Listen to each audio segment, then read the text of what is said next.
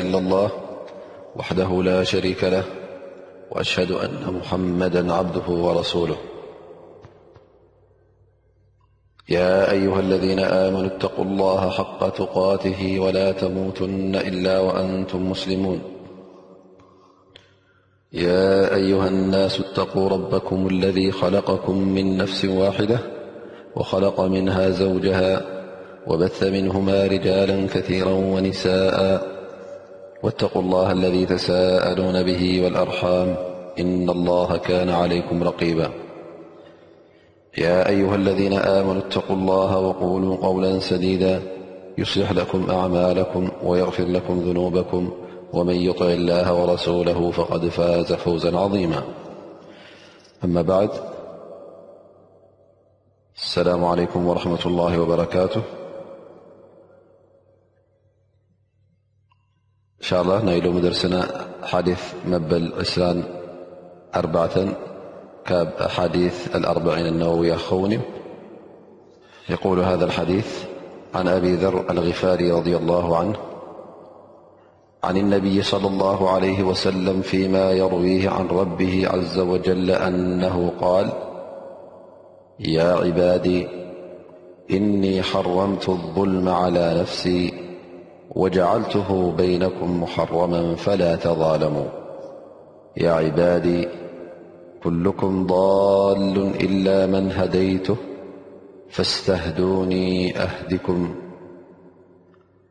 يا عبادي كلكم جائع إلا من أطعمته فاستطعموني أطعمكم يا عبادي كلكم عار إلا من كسوته فاستكسوني أكسكما إنكم تخطئون بالليل والنهار وأنا أغفر الذنوب جميعا فاستغفروني أغفر لكم يا عبادي إنكم لن ترولن تبلغوا نفعي فتنفعوني يا عبادي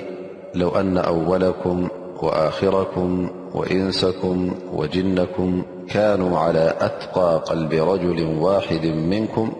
ما زاد ذلك في ملكي شيئا يا عبادي لو أن أولكم وآخركم وإنسكم وجنكم كانوا على أفجر قلب رجل واحد منكم ما نقص ذلك من ملكي شيئا يا عباي لو أن أولكم وآخركم وإنسكم وجنكم قاموا في سعيد واحد فسألوني فأعطيت كل إنسان مسألته ما نقص ذلك مما عندي إلا كما ينقص المخيط إذا أدخل البحر يا عبادي إنما هي أعمالكم منأحصيها لكم ثم أوفيكم إياها فمن وجد خيرا فليحمد الله ومن وجد غير ذلك فلا يلومن إلا نفسه እዚ ሓዲስ እዚ ሓዲ ቁዱሲ ይበሃል። ሓዲ ቁድሲ እንታይ ማለት ከም ምዃኑ እንሻ ላ እውን ክንጠቕሶ ኢና። ግን መጀመርያ ኣብቲ ሰፊሕ ትንተና ከይኣተና ከለና ነዚ ሓዲስ እዚ ብሕፅር ዝበለ ትንተና ክንገልፆ ወይ ከዓ ትርጉሙ ኣብኡ ከሎ ብቐጥታ ሓፂር ትርጉም ምእንቲ ጌርና ክንህቦ ነቢ صለ ላሁ ለ ወሰለም ይብሉ ኣላ ስብሓን ወተዓላ ከምዙ ኢሉ ኦ ባሮተይ ኣነ ንዓመፅ ንነፍሰይ ሓሪመዮ እየ ንዓኹም ውን ሓራም ገይረዮ እየ ስለዚ ኣይትተዓማመፁ ኦ ባሮተይ ኩሉኹም ጥፉኣት ኢኹም ብጀካ እቲ ኣነ ዝመርሖ ኣነ ዝሕብሮ ስለዚ ሓበሬታን ህዳያን ካባይ ሕተቱ ኣነ ድማ ክሕብረኩም እየ ኦባሮተይ ኩሉኹም ጡብያት ኢኹም ብጀካ እቲ ኣነ ዝዕንግሎ ስለዚ ትበልዕዎ ካባይ ሕተቱ ኣነ እውን ክዕንግለኩም ክብልዓኩም እየ። ኦባሮተይ ኩሉኹም ዕሩቓት ኢኹም ብጀካ ተኣነ ዝኸድኖ ተዘይኮይኑ ስለዚ ክዳን ካባይ ሕተቱ ክኸድነኩም ኦባሮተይ ብርግጽ ንስኹም ብለይትን መዓልትን ትጋገዩ ኢኹም፣ ኣነ ድማ ንዅሉ ዘንብታት ይምሕር እየ። ስለዚ ምሕረት ካባይ ሕተቱ፣ ኣነ ኽምሕረኩም። ኦ ባሮተይ፣ ንስኹም ፈጺምኩም ንዓይ ክትጐድኡ ኣይትኽእሉን ኢኹም።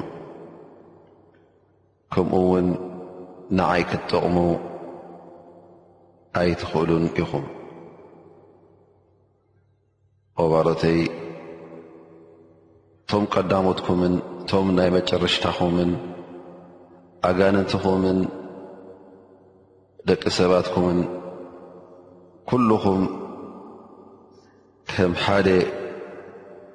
ዝበለጸ ፈራህ ረቢ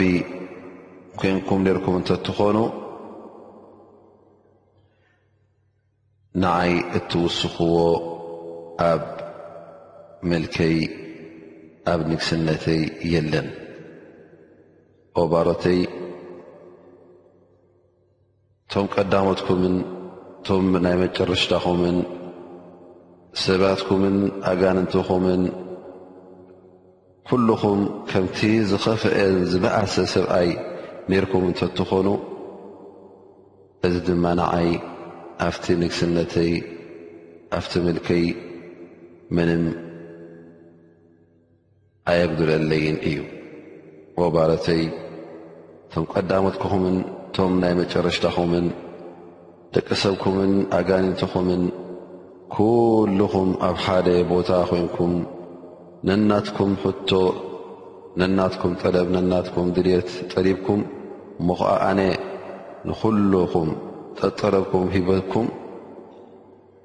እዚ ኩሉ ዝሃብኩኹም ካብቲ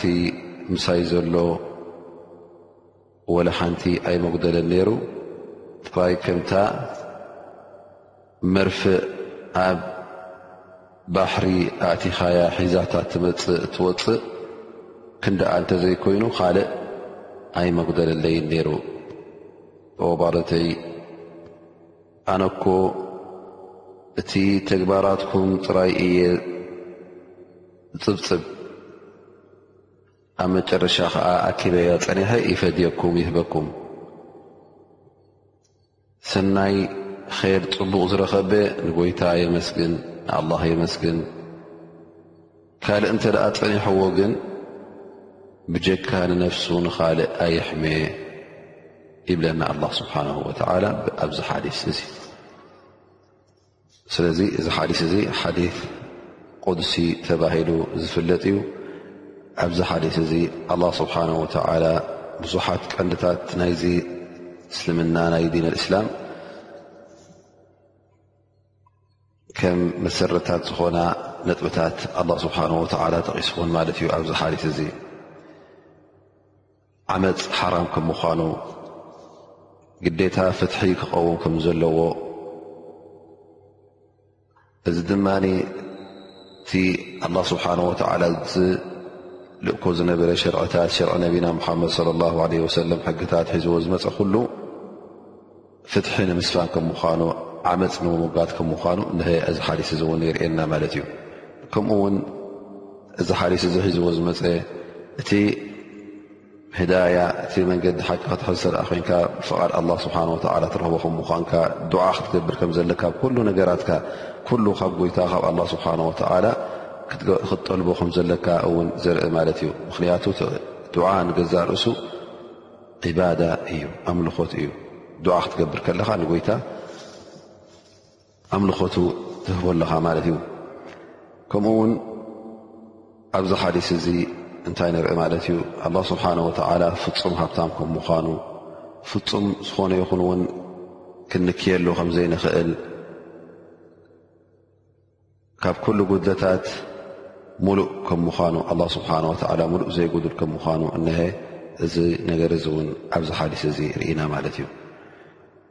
ኣብ ርእሲኡ እውን ካልእ ዓይነት ናይ ስነ ስርዓታት ዝሓዘ ነጥብታት ኣብዚ ሓዲስ እዚ ተጠቒሱ ከምዚ ዝብልናዮ ኣቐዲምና እዚ ሓዲስ እዚ ሓዲስ ቁድሲ እዩ ኢልና ሓዲስ ቁድሲ ይስመ ካእ ኣስማት እውን ኣለዎ ሓዲ ኢላሂ ሓዲ ረባኒ ይበሃል ሓዲ ቁድሲ ክበሃል እንከሎ ከም መለለይናቱ እነቢ ስለ ላ ለ ወሰለም ዝጠቀስዎ ኮይኑ እንታይ እዩ ዝብል ማለት እዩ ክመፅእ እንከሉ ፍቲ ሓዲ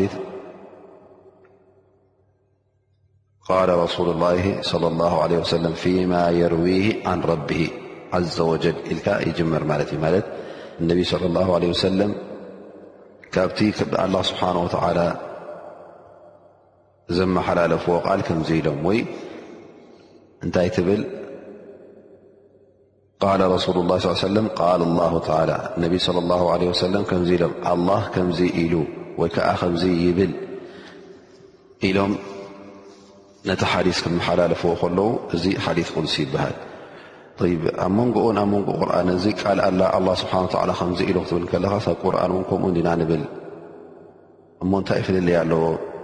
ሓዲት ቁድስን እቲ ቁርን እተ ኢልና ክንሓትት ኮይና ቀዳማይ ፍልልይ ይብሉ ዑለማ እቲ ቁርን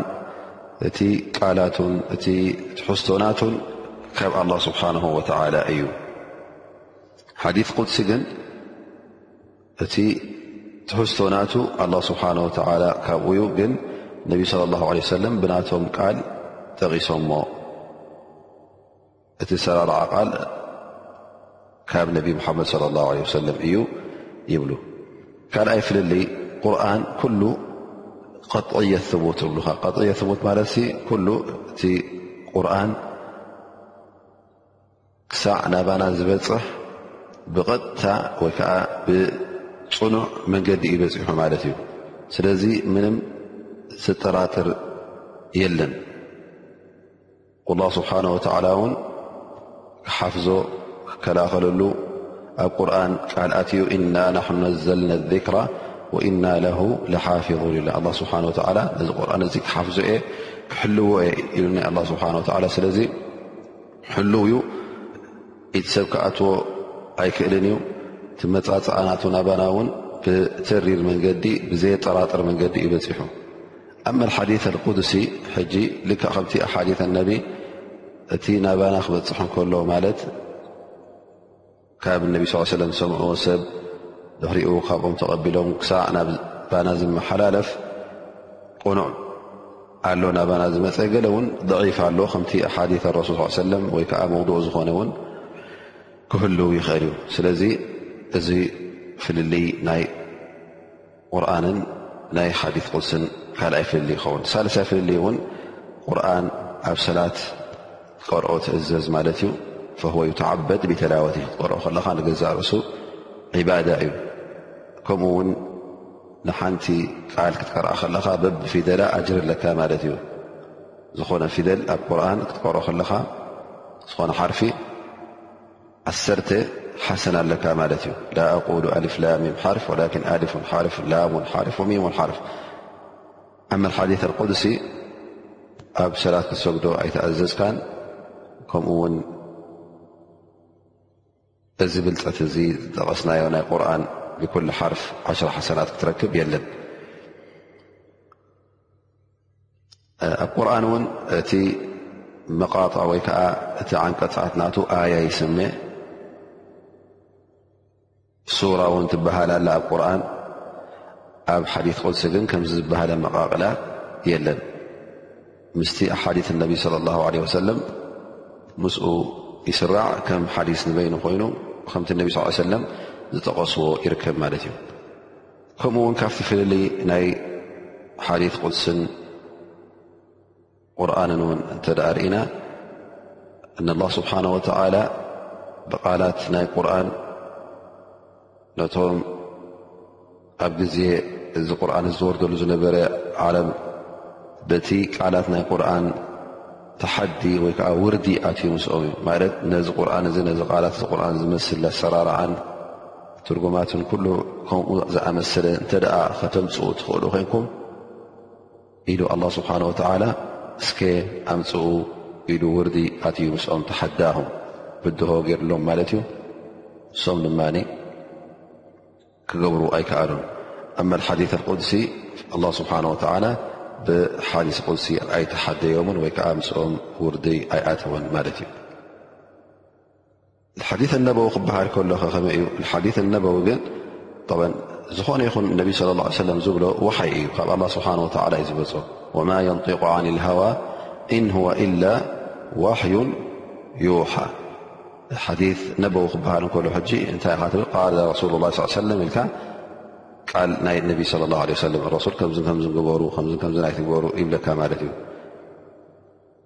እዚ ነዚ ዝፈፅሙ ከምዚኡ ትገባብ ክብል ከሎ እዚ ሕጂ እንታይ እዩ ማለት እዩ ብቐጥታ ናብ ነቢ ስለ ላ ለ ሰለም ይምለስ እቲ ዘረባ እዚ ሓዲት ነበው ይበሃል ግን እነቢ ስለ ላ ለ ሰለም ነዚ ነገር እዚ ክጠቕስዎ ከለዉ ኣላ ስብሓ ካብ መገዲ ኣላ ወይከዓ ካብ ቃል ኣላ ወይከዓ ካብ ትእዛዝ ኣላ ስብሓን ወላ ወፂኦም ኣይኮኑን ግን እዚ እውን እቲ ኩሉ ዝብልዎ ዘለዉ ኣላ ስብሓን ታላ ምስቲ ሓበሬታ ናይ ዲን ዘለዎ እንተ ኮይኑ ካብ ኣላ ስብሓን ወተዓላ ዝመፆም ሓበሬታ እዩ ስለዚ ብሓፈሽኡ እቲ ሓዲት ነበዊ ዝበሃል ብሓፈሽኡ ካበይኡ ካብ ወሓይ እዩ ወነቢ صለ ላه ለ ሰለም ነቲ ቁርን ዘብርህን ነቲ ሸርዕ እስልምና መሰረታቱ ዘፅብቕን ቀንታቱ ዘብርህን ጠቒሶምልና እዮም ነቶም ብፆቶም እውን የምህርዎም ነይሮም እቲ ትምህርቲ እውን ናባና በፂሑ እዩ ነቢ صለ ላه ለ ወሰለም እውን እንተ ደኣ ከምቲ ግቡእ ገይሮም ንገለ ነገር እንተ ዘየብርህዎ ኣላ ስብሓን ወተላ ከመይ ገይሮም ከብርህዎ ከም ዘለዎም ይሕብሮም ነይሩ ማለት እዩ ስለዚ እቲ ኩሉ ምንቅስቓሳት ቃላት ናይ ነቢና ምሓመድ صለ ላሁ ለ ወሰለም ብሓበሬታ ናይ ኣላ ስብሓን ወተላ እዩ ዝኸይድ ነይሩ ስለዚ እቲ ሓዲስ ቅሲ ክንብሎ ከለና ከምቲ ዝጠቐስናዮ ትሕዝቶ ናቱ ኣላ ስብሓን ወተላ ጠቒስዎ ነቢና ሓመድ ስ ሰለም ነቢ ለ ላ ለ ሰለም ብናቶም ቃላት ገይሮም ዝገለፁልና እዩ ይብሉ ዑለማ ማለት እዩ ልክዕ ከምቲ ኣብ ቁርን ንረኽቡ ሕጂ ኣላ ስብሓን ወተላ እቲ ኣብ ቁርን ብዛዕባ ናይቶም ኣንብያ እንታይ እንታይ ይብሉ ነይሮም እንታይ እንታይ ይምልሱ ነይሮም ነቶም ብፅሑቶም ነቶም ህዝቦም ሓቢሩና ወይ ከዓ ተቂሱልና ኣላ ስብሓን ወተላ ቃል ሙሳ ቃል እብራሂም ከምዚ እናበለ ሕጂ ከምዚ ኢሉ እብራሂም ከምዚ ኢሉ ላኪን እቶም ቀዳሞት ኣንብያ ክዛረቡ ከለዉ ቋንቋ ዓረብ ኣይኮኑ ዝዛረቡ ነይሮም ካልእ ቋንቋ ነይርዎም እዩ ግን ኣላ ስብሓን ወተላ ሕጂ እቲ ቋንቋ ዓረብ ገይሩ እንታይ እንታይ ብሉ ከም ዝነበሩ ተቒሱና ማለት እዩ ስለዚ እቲ ትሕዝቶ ቃላት ናቶም ኮይኑ ሕጂ ከም ዘረብኦም ቀሪቡ ማለት እዩ ሓዲ ቅልሲ እውን ከምኡ ክኸውን ይኽእል ብድሕሪ እዚ ናብቲ ትንተና ናይ ሓዲትና ክንኣቱ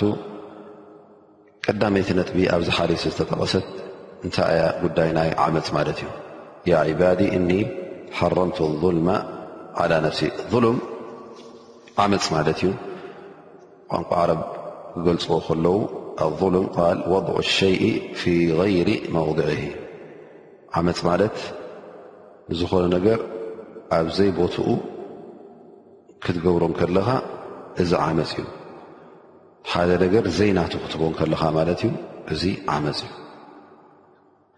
ፈظሉም ህዋ ሙጃወዘት ሓድ ማለት ሓድ ዶብ ወይ ገደብ ምስጋር ማለት እዩ ስለዚ ከምኡ ውን እንታይ ክኸውን ይኽእል ካብ መንገዲ ምውፃእ ክትብሎ ትኽእል ማለት እዩ ኣልመይል ዓን ልቀስድ ካብ ቅንዕና ክትጥምዘዝ እንከለኻ ንየማን ወይ ንፀጋም ክትጥምዘዝ እንከለኻ እዚ ንገዛ ርእሱ እውን ከመይ ማለት እዩ ከም ዓመፅ ይቁፅር ማለት እዩ ዓመፅ ክልተ ዓይነት እዩ ጠባን ገደብ ምጥሓስ ኢልና ግህሰት ክበሃል ይኽእል እዩ ብኩል ብዙሕ ኣስማት ክትህቦ ትኽእል ኢኻ ላኪን እቲ ዓመፅ እሱ ኩሉ ግዜ ዓመፅ እዩ ዓመፅ ክልተ ዓይነት ክበሃል ክከኣል ኣብ ሸርዒ እስልምና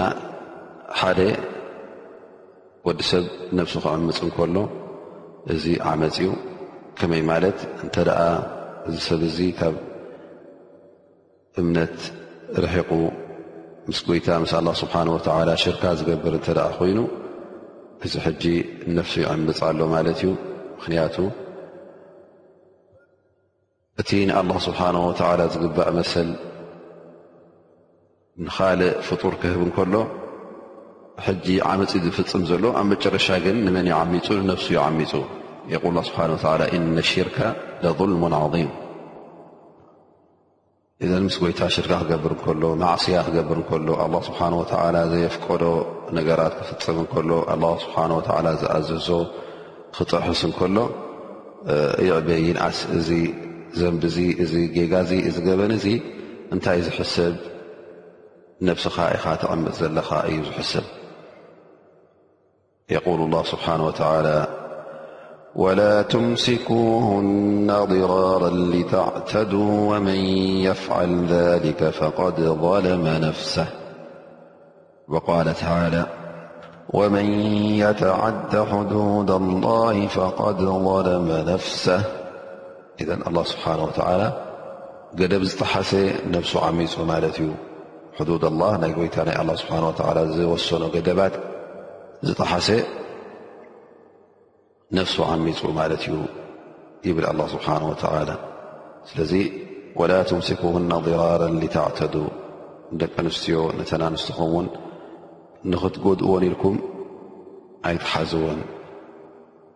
ምኽንያቱ እዚ እንታይ እዩ እዕትዳእ ማለት እዩ ዘይናህካ ምድላይ ገደብ እስካር ስለ ዝኾነ እዚ ዝገበረ ድማ ነብሱ ዓሚፁ እዩ ይብለና ኣላ ስብሓን ወተላ ካልኣይ ዓመፅ ኩላና ንፈልጦ ማለት እዩ ወዲ ሰብ ንኻልእ ክዕምፅ እንከሎ ዘይናቱ ገንዘብ ክወስድ ዘይመሰሉ ዘይናቱ ክደል እንከሎ መሰል ካልኦት ክገፍፍ እንከሎ እዚ ሕጂ መሰል ናይ ካልኦት ደቂ ሰባት ማለት እዩ እዚ ሕጂ እንታይ ይኸውን ማለት እዩ ዓመፅ ይኸውን ፍሉጥ እውን ዓመፅ ከም ምኳኑ ላ ስብሓን ወላ ከምዝኣመሰለ ዓመፅ እውን ኣብዚ ሓዲስ ይኹን ኣብ ካልእ ኣያታት ወጃዓልትሁ በይነኩም ሙሓረመን ፈላ ተዛለሙ ንንሕትኩም ኣይትዓምፁ ኣይትተዓማመፁ እዚ እቲ ዓመፅ ሓራም ከም ምኳኑ እቲ በቢ ዓይነቱ ዓመፃት ሓደ ዓይነት ዓመፅ ዘይኮነ ኩሉ ዓመፅ ዘብኡስ ሓራም ከም ምኳኑ ኣላ ስብሓን ወተዓላ ነሀ በዚ ሓዲስ እዚ ጠቂሱልና ማለት እዩ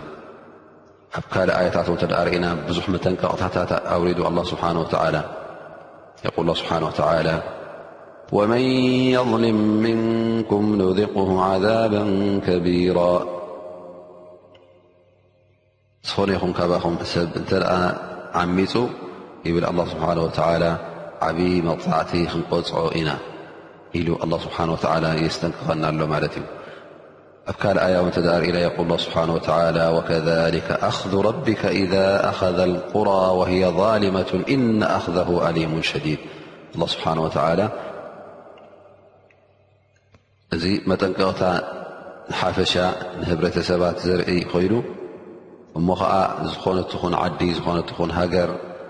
ኣላ ስብሓን ወተዓላ እንተ ዓሚፃ ከምቶም ቀዳሞት ኣላ ስብሓን ወተዓላ ዝቐፅዖም ነቶም ገጠራትን ሃገራትን ከምኡ ገይሮ ክቆፅዖም እዩ መቕፃዕቲ ጎይታ መቕፃዕቲ ኣላ ስብሓን ወተዓላ ብጣዕሚ ሓያልን ብርትዕን እዩ والنبي صلى الله عليه وسلم يل في حدث ጃابር اتقا الظلم فإن الظلم ظلمت يوم القيامة عمፅ تጠنقق عمፅ يتجبر مፅ يوم القيامة ح عن لم ዘيكن بዙح لمታت እዩ فإن الظلم ظلمات يوم القيامة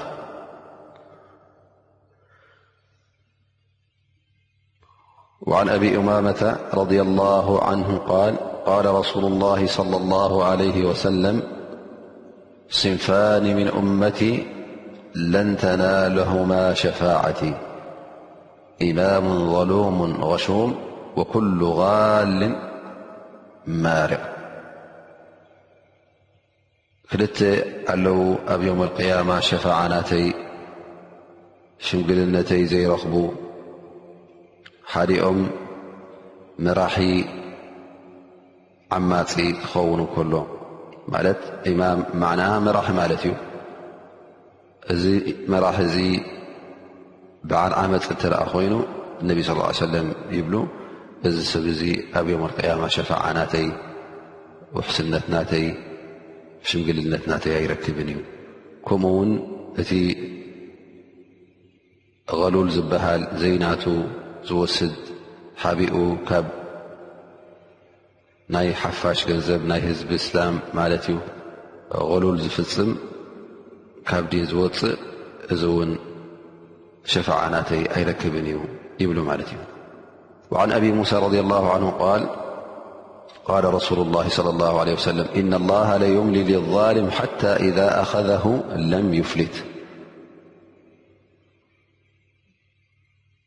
ይብሉ ነቢና ሙሓመድ ስ ሰለም ኣላ እኮ ንዓማፂ ግዜ ይህቦ እዩ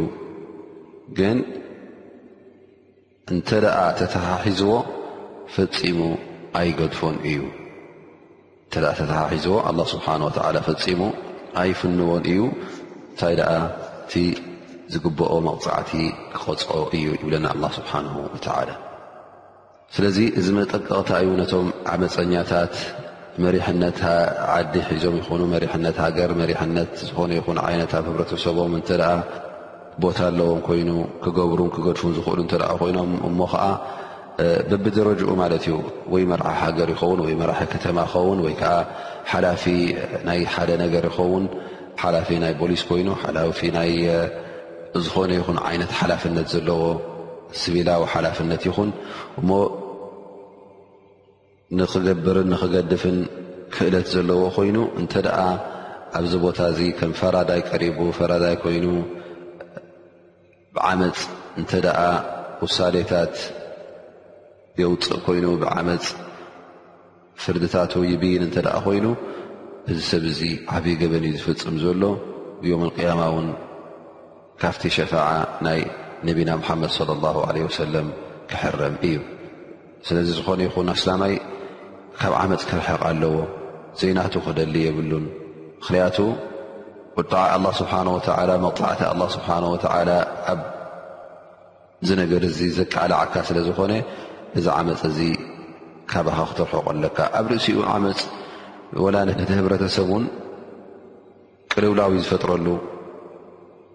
ምኽንያቱ እንተ ዓመፅ ኣሎ ኮይኑ ኣብ ዝኾነ ይኹን ህብረተሰብ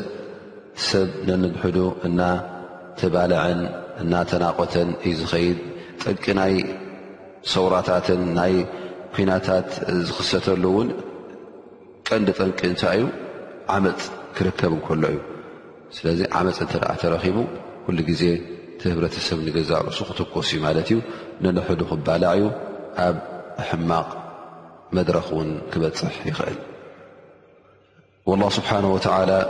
ካብ ዓመፅ ፍፁም ንፁህ ከም ምኳኑ ካብ ዓመፅ ፍፁም ርሑቕ ከም ምኳኑ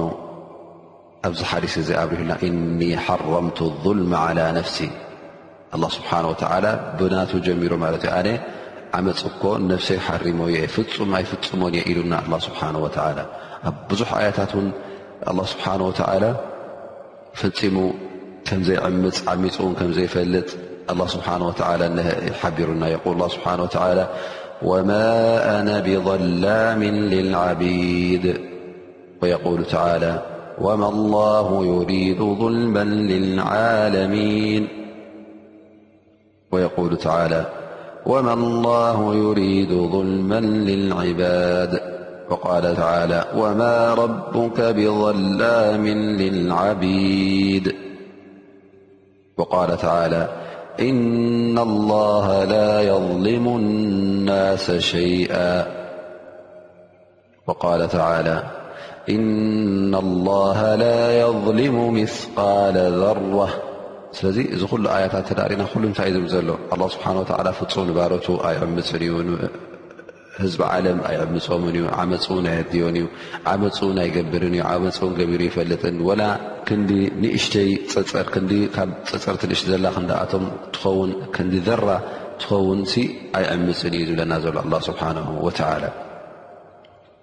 ስለዚ ክብሩ ይስፋሕ ጎይታና ኣላ ስብሓን ወተዓላ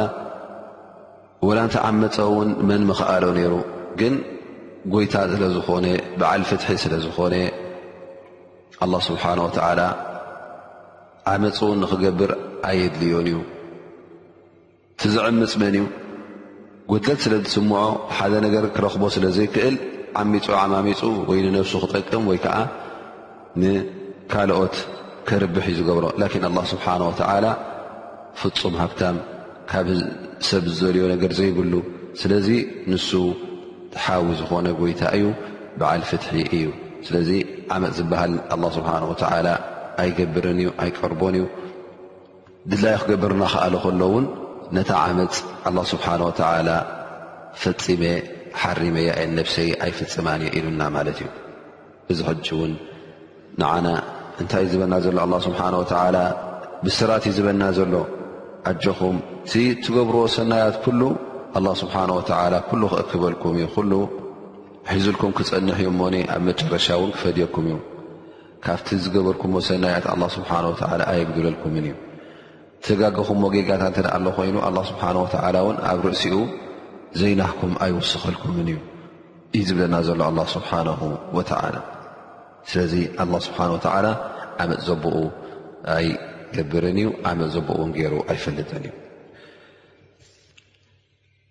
ብድሕሪኡ ድሕሪ ዚ ናይ ዓመፅ እዚ ኣላ ስብሓን ወተላ ኣብዚ ሓዲስ ቅዱሲ እንታይ ጠቒሱ ማለት እዩ ያ ዕባዲ ኩልኩም ዳሉን ኢላ መን ሃደይቱ ፈስተህዱኒ ኣህዲኩም ኩሉ ነገራት ካብኡ ክንደልዮ ከም ዘለና ቀዳማይ ነገር ካብ ጥፍኣት ናብ መገዲ ብርሃን ናብ መገዲ ቅንዕና ዝመርሕ ንሱ ጥራይ ከም ምዃኑ እሞ ከዓ ነዚ ነገር እዚ ካብኡ ክንሓቱ ከም ዘለና እዚ እቲ ዝዓበየ ሽሻይ እቲ ዝዓበየ ርዝቂ እዩ ኣየናይ እቲ ኣብ መንገዲ ኼር ምፅናሕ ኼር ምግባር ሰናይ ምግባር ኣብ መንገዲ ኢማን ምፅናሕ እዚ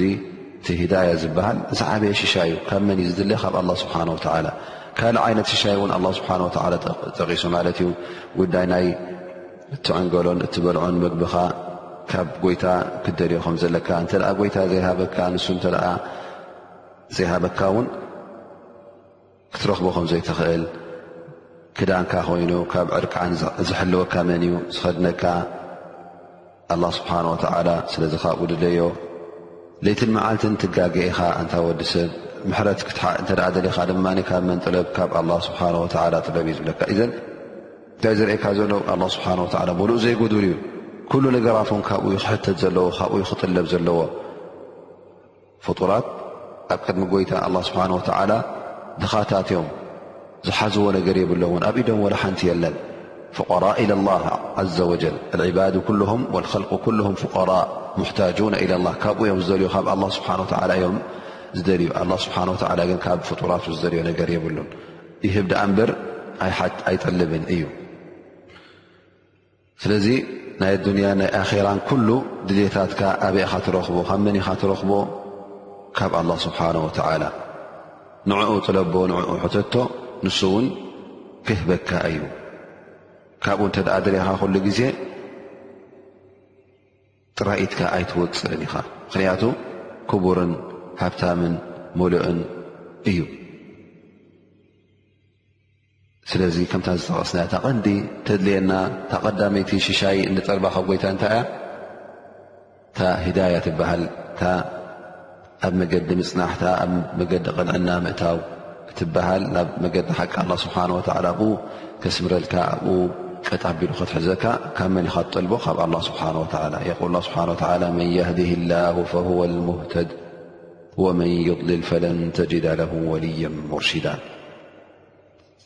እቲ ኣላ ስብሓን ወተዓላ ዝሃደዮ ንሱ እዩ ኣብ ህዳያ ዘለዎ መገዲ ዝሓዘ እቲ ኣላ ስብሓን ወተዓላ ዘይሃደዮ እቲ ዝጠፍአ ግን ፈፂምካ ካልእ ብጀካ ኣላ ስብሓን ወተዓላ ናብ ህዳያ ክመልሶ ዝኽእል የለን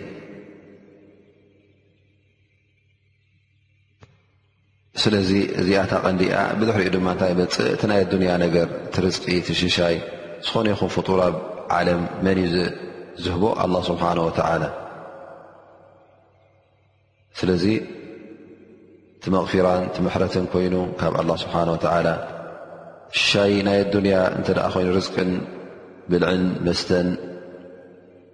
ክዳንን ንብረትን ዝኾኑ ነገራት ክዕረየልካ እንተ ኮይኑ ክምልኣልካ እንተ ኮይኑ ካብ መን ኢኻ ትደልዮ ካብ ኣላ ስብሓን ወተላ ነብላ እብራሂም ምስቶም ክሓቲ ክማጎት እንከሎ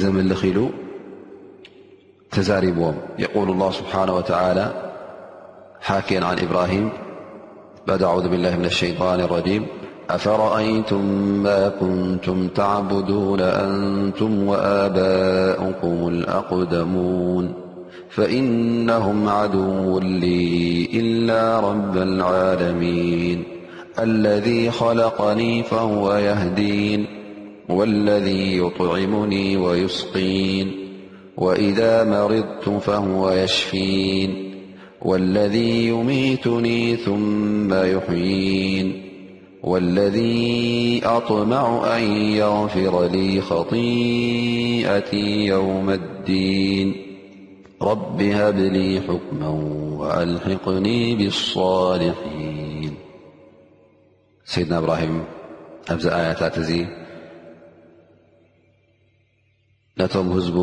ይብሎም እቶም ኩሎም እተምልኽዎም ዝነበርኩም ብጀካ ኣላ ንኻልኦት ኩሎም ተፃባእተይ እዮም ኣነ ነቲ ጎይታ ዓለም ፈጣሪ ዓለም ንዑ ጥራይ እየ ዘምልኽ ንሱ እዩ ጎይታይ እሱ እዩ ፈጢሩኒ እሱ እዩ ከዓ ንመገዲ ሓቂ ዝሕብረኒ ንሱ እዩ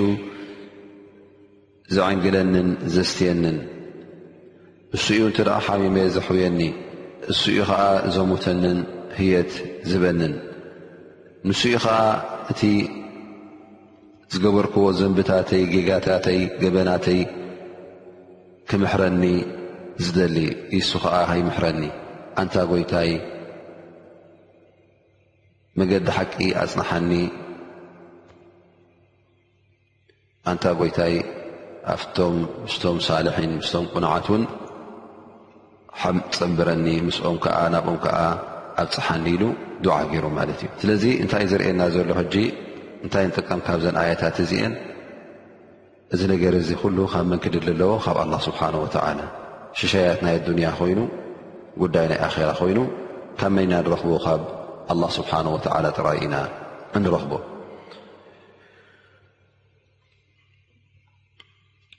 ኣብዚ ሓዲስ እዚ ከማ ቃል ተላ ኩልኩም ضሉ ኢላ መን ሃደይቱ ክብለና ከሎ ማለት እቲ ህዳያ ካብ መን ዩ ዝድለ ጥራይ ካብ ጎይታ ከም ምኳኑ እዚ ማለት ከዓ ምስቲ ወዲ ሰብ ክውለዱ ከሎ ኣብ ፊጥራ እዩ ዝውለድ ወ ከለቅቱ ዕባዲ ሑነፋእ ባሮተይ መጀመርያ ክትፈጥሮም ከለኹ ኢለና ኣላ ስብሓን ወተላ ሑነፋእ ብተውሒድ ተቐባልነት ናይ ተውሒድ ዘለዎም ገይረየ ፈጢረዮም ይብለና ማለት እዩ ግን እንታይ ሕጂ እቲ ህዳያ ናይ መን እዩ ማለት እዩ ናይ ጎይታ ናይ ኣላ ስብሓን ወተላ ኢልና ማለት እዩ እዚ ዝውለድ እውን እዚ ህፃን እውን እቲ ተፈጥሮኣዊ ተውሒድ ተዋሂብዎ ዘሎ ብባህርያቱን ብተፈጥሮኣውን ረኺብዎ ዘሎ ተቐባልነት ናይ ሓቂ ኣለዎ ማለት እዩ ስለዚ ናብዚ ሓቂ እዚ ምእንቲ ክቕፅል እንታይ ኣድልዮ ማለት እዩ ክመሃር ኣለዎ ክፈልጥ ኣለዎ እንተ ብድንቁርንኡ ክነብር ኮይኑ ግን መገዲ ሓቂ ክረክብ ኣይክእልን እዩ ስለዚ እቲ ፍልጠት የድልዮ እዩ ላ ስብሓ ወላ ውን ኣብቲ ሓበሬታ ከፅንሖ ወይ ዓ ስብሓ ወ እቲ ሓበሬታ ምእንቲ ክህቦ ፈኢንሳን ይውለዱ መፍጡረ ዓላ ቅቡል ሓቅ ወዲ ሰብ ነቲ ሓቂ ስብሓ ክኸልቆ ከሎ ተቐባልነት ናይ ሓቂ ዘለዎ ገይሩ ይኸልቆ ማለት እዩ ድሕሪኡ እውን ኣብቲ ሓቂ ንክቕፅል ኣላ ስብሓን ወተዓላ እቲ መንገዲ የሰላስለሉ ማለት እዩ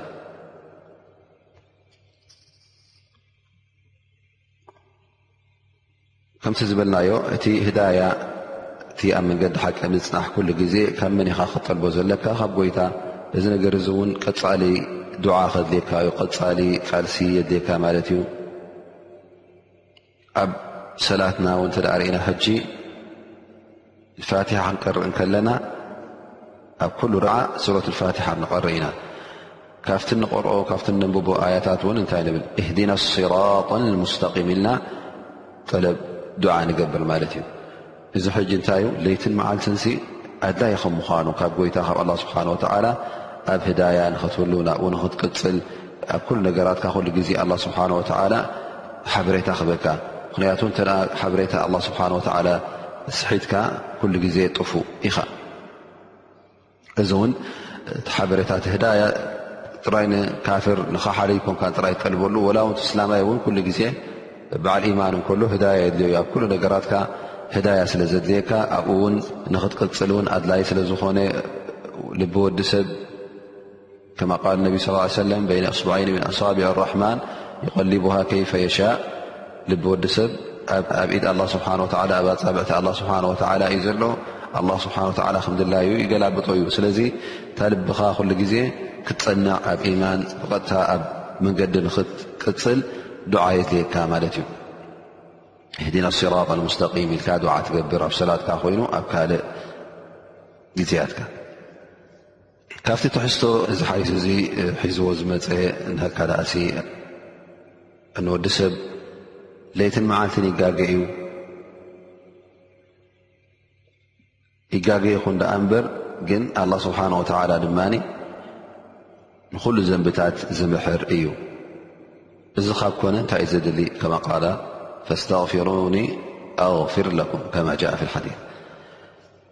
ካባይ መቕፊራ ሕተቱ ኢሉና ኣላ ስብሓን ወተላ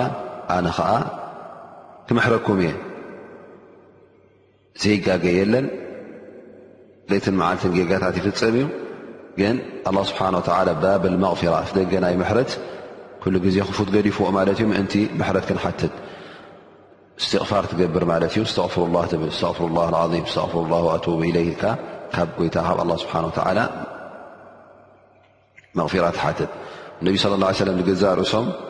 ኣላ ስብሓን ወተዓላ ዝሓለፈ ዘንብታቶም ዝመፅ ዘሎ ኩሉ ዘንብታቶም ምሒርዎም እንከሎ ካነ የስተቕፊሩ ፍ ልየውም ኣክር ምን ሰብ መራ ኣው ኣክር ምን ሚእቲ መራ ነቢ ስለ ላ ሰለም ኣብ መዓልቲ ሚትሻዕ ሰብዓ ሻዕ ዝኸውን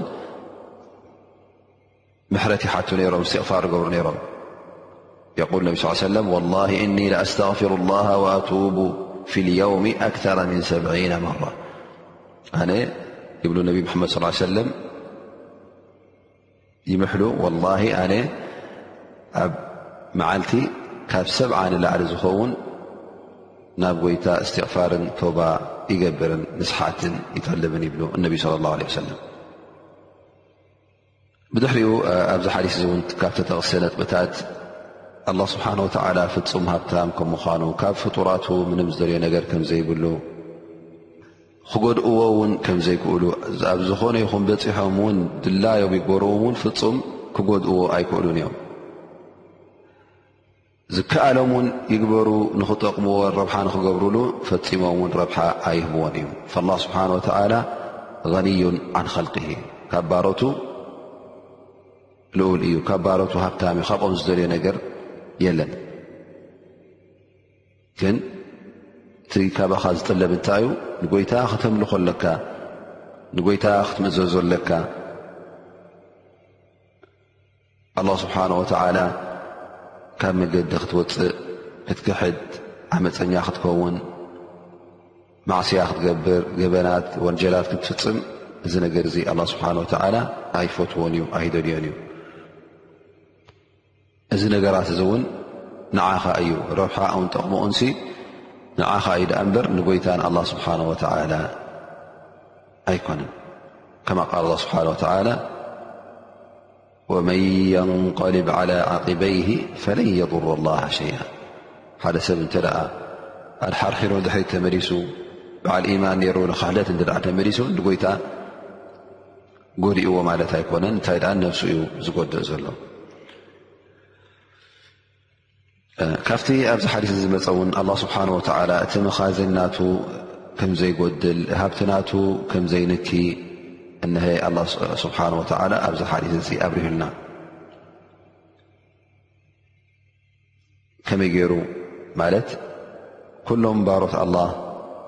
ቀዳሞቶምን መጨረሽታኦምን ሰባቶምን ኣጋኒንቶምን ኩሎም ኣብ ሓደ ቦታ ኣብ ሓንቲ መሬት ኣብ ሓደ ቦታ ኮይኖም ንጎይታ ጠሊቦም ሓቲቶም እሞ ከዓ ኣላ ስብሓን ወተዓላ ነናቶም ጠለብ መሊስሎም ሂብዎም ዘድላዮም ርዝቂ ዘድላዮም ሽሻይ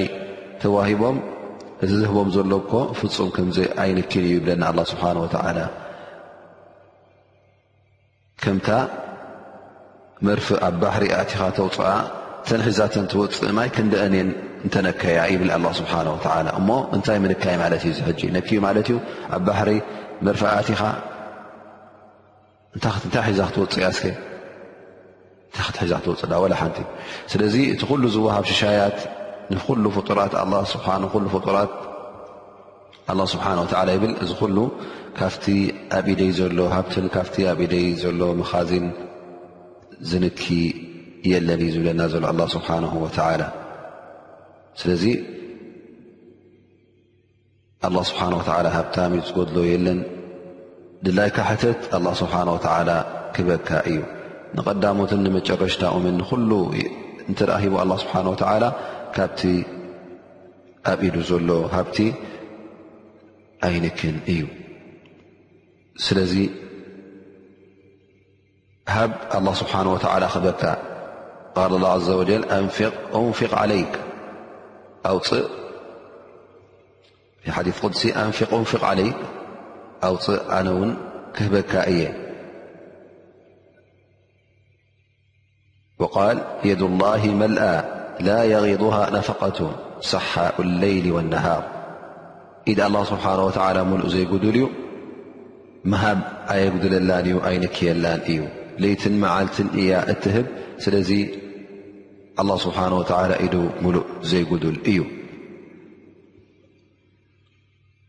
ከምኡ ውን ኣብዚ ሓዲስ እዚ ዝመፀ ኩሉ ተግባራት ወዲ ሰብ ፀብፃብ ብቁፅሪ ይእከብ ከም ምኳኑ እነሀ ኣላ ስብሓን ወተላ ሓቢሩና ማለት እዩ እነማ ሂ ኣማልኩም ኣሕሲሃ ኩሉ እቲ ተግባራትኩም ንሱ ዩ ዝፅብፀብ ዘሎ ኣብ መጨረሻ ድማ ኩልኹም ነናትኩም ኢኹም ክትረኽቡ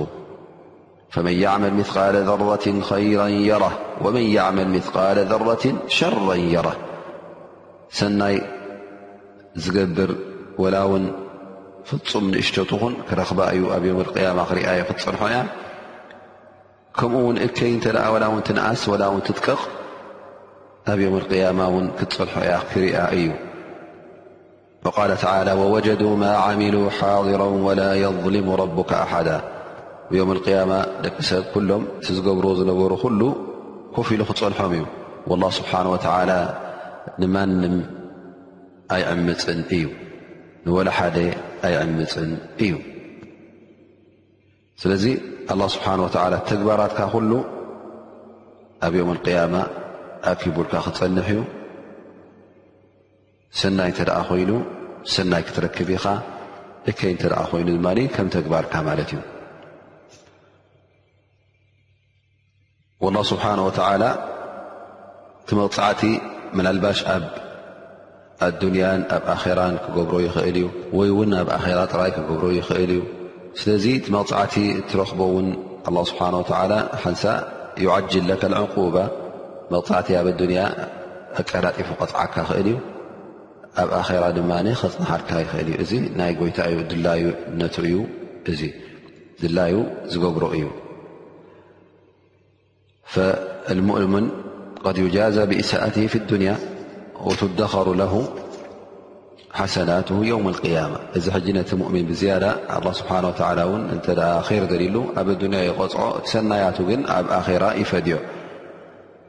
እቲ ሓሰና ናቱ እቲ ኸይሩ ናቱ ተደራሪቡ ፀንሕ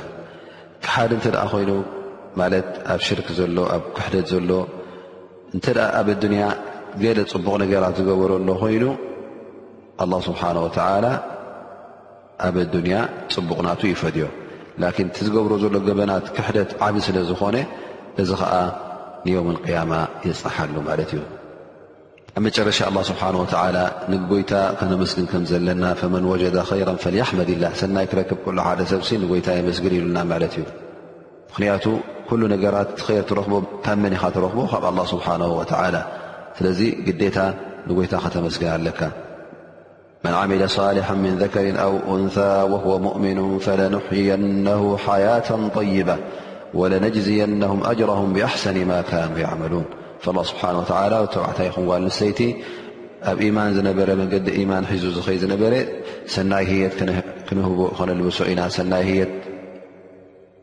ሰናይ ንብረት ክነብር እዩ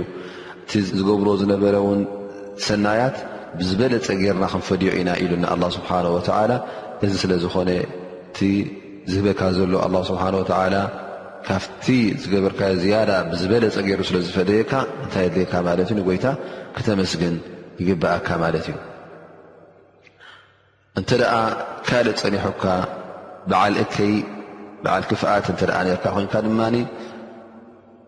ኣላ ስብሓን ወተላ መገዲ ምሕረት መገዲ መቕፊራ እስትቕፋር ንክትገብር ከፊትልካ እንከሎ እስትቕፋር ኣብኻ ምሕረት ምጥላብ ኣብኻ እንተ ቀፂልካ ሕጂ ትገበን እንታይ ማለት እዩ ባዕልኻ ዘምፃእካዮ ናብ ነብስኻ እዩ መቕፃዕቲ እውን ኣላ ስብሓን ወተላ ክቐፅዓካ እዩ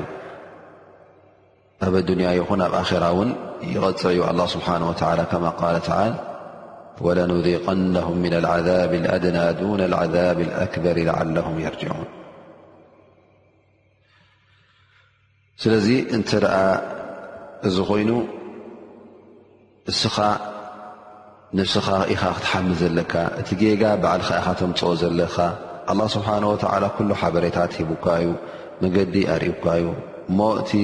እምቢታ ንስኻ ዝለ ዘፈፀምካዮ ፅባሕ ንግሆ ንጎይታ ክትሓምዮ የብልካን እንታይ ደኣ ነታ ነብስኻ ኢኻ ትሓምያ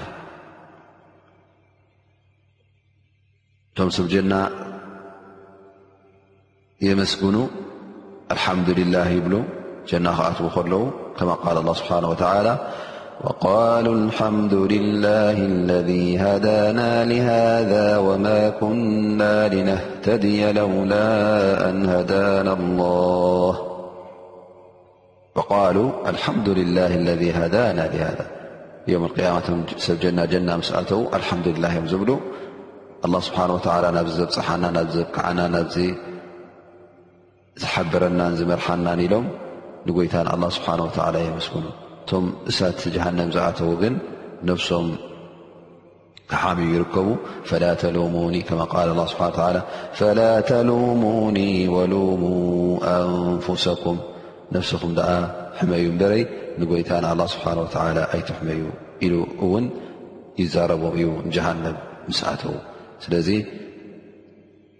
እቶም ከሓድቲ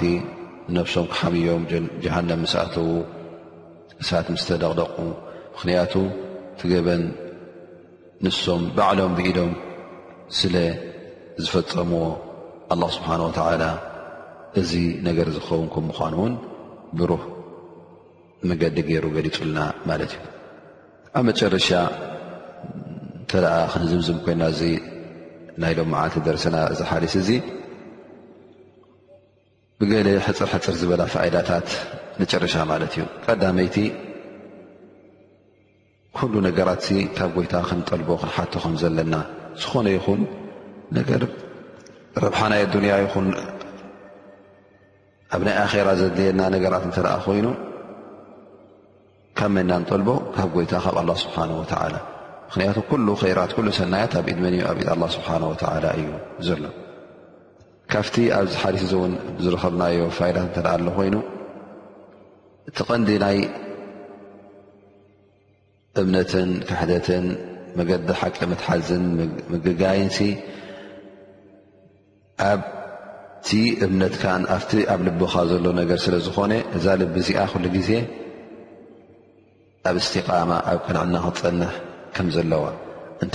እዛ ልቢ እዚኣ ቀኒዓ ኩሉ ግዜ ኩሉ ነገራት ክተቀንዕ እዩ እንተ እዛ ልቢ እዚኣ ግን ሕማቕ ትደሊ እተ ኣላ ኮይና እንተ እሳ ተበላሽያ ብልሽውና እተ ፈትያ ኩሉ ኣካላትካ ውን ንብልሽውና ክኸይድ ከም ምኳኑ ስለዚ ተቕዋ ፍርሃት ረቢ እሱኡ ዝመርሕ ማለት እዩ እንታይ ኣሎ ኣብ ልብኻ ፍርሃት ረቢ ድዩ ወይስ ካልእ እሱዩ ቀንዲ ወሳኒ ማለት እዩ ከምኡ ውን ካብዚ ሓዲስ እዚ እተርእና እቲ ኩሉ ፈድሊ እቲ ኩሉ ኸይራት ካብ ጎይታ ከም ምዃኑ ኣላ ስብሓን ወተዓላ ከም ድላዩ ንባሮቱ ከም ዝህብ ክህቦም እንከሎ ኣገድዶሞ ዘይኮኑ እንታይ ደኣ ባዕሉ ፈድሊ ናቱ ኮይኑ ኣላ ስብሓን ወተላ ንፍተቱ እዩ ዝህቦም ማለት እዩ ስለዚ ትሰናያት ኩሉ ናይ ጎይታ ናይ ረብኹም ምዃኑ ተረዲእና ማለት እዩ ኣብ መጨረሻ ወዲ ሰብ ንነፍሱ ክቆፃፀራ ከም ዘለዎ መሓሰባ ክገብረሉ ከም ዘለዎ ጌጋ እንተደኣ ገይሮ ክጣዓስ ከም ዘለዎ እዚ ነገር እዚ እውን የረድኣና ማለት እዩ ስለዚ እቲ ምቁፅፃር ነብስኻ ክህሉ ከም ዘለዎ ምክንያቱ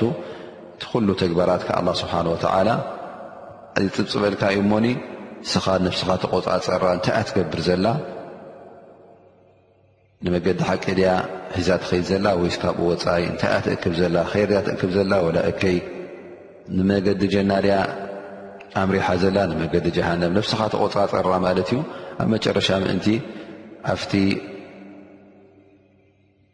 ኣላ ስብሓን ወተላ ኣዳልልካ ዘሎ ር ጀና ኣብኡ ምእንቲ ንክትበፅሕ ምክንያቱ ኣላ ስብሓን ወተላ ንበዓል ር ጀና ይዳልሉ ንበዓል እከይ ከዓ ጀሃንም እሳት ይዳልሉ ዘሎ ስለዚ እንተ ነብስኻ ዘይተቆፃፀርካያ ናበይ ትኸይድ ከምዘላ እተ ዘይተገደዝካ ፅባሕ ንግሆ ከጣዕሰካ እዩ ፅባሕ ንግሆ ነብስኻ ክትሓምያ ኢኻ ስለዚ ኣላ ስብሓን ወተዓላ ኣብ መገዲ ሓቂ ከፅንሓና ካብ መገዲ ጥፍኣት ክሕልወና ዱዓ እናገበርና እዚ ደርስና እዚ ብዚ ንድምድሞ ባረከ ላሁ ፊኩም ዓላ ሑስኒ እስትማዒኩም صለ ላሁ ዓላ ነብይና ሙሓመድን ዓላ ኣሊ ወሳሕቢ ወሰለም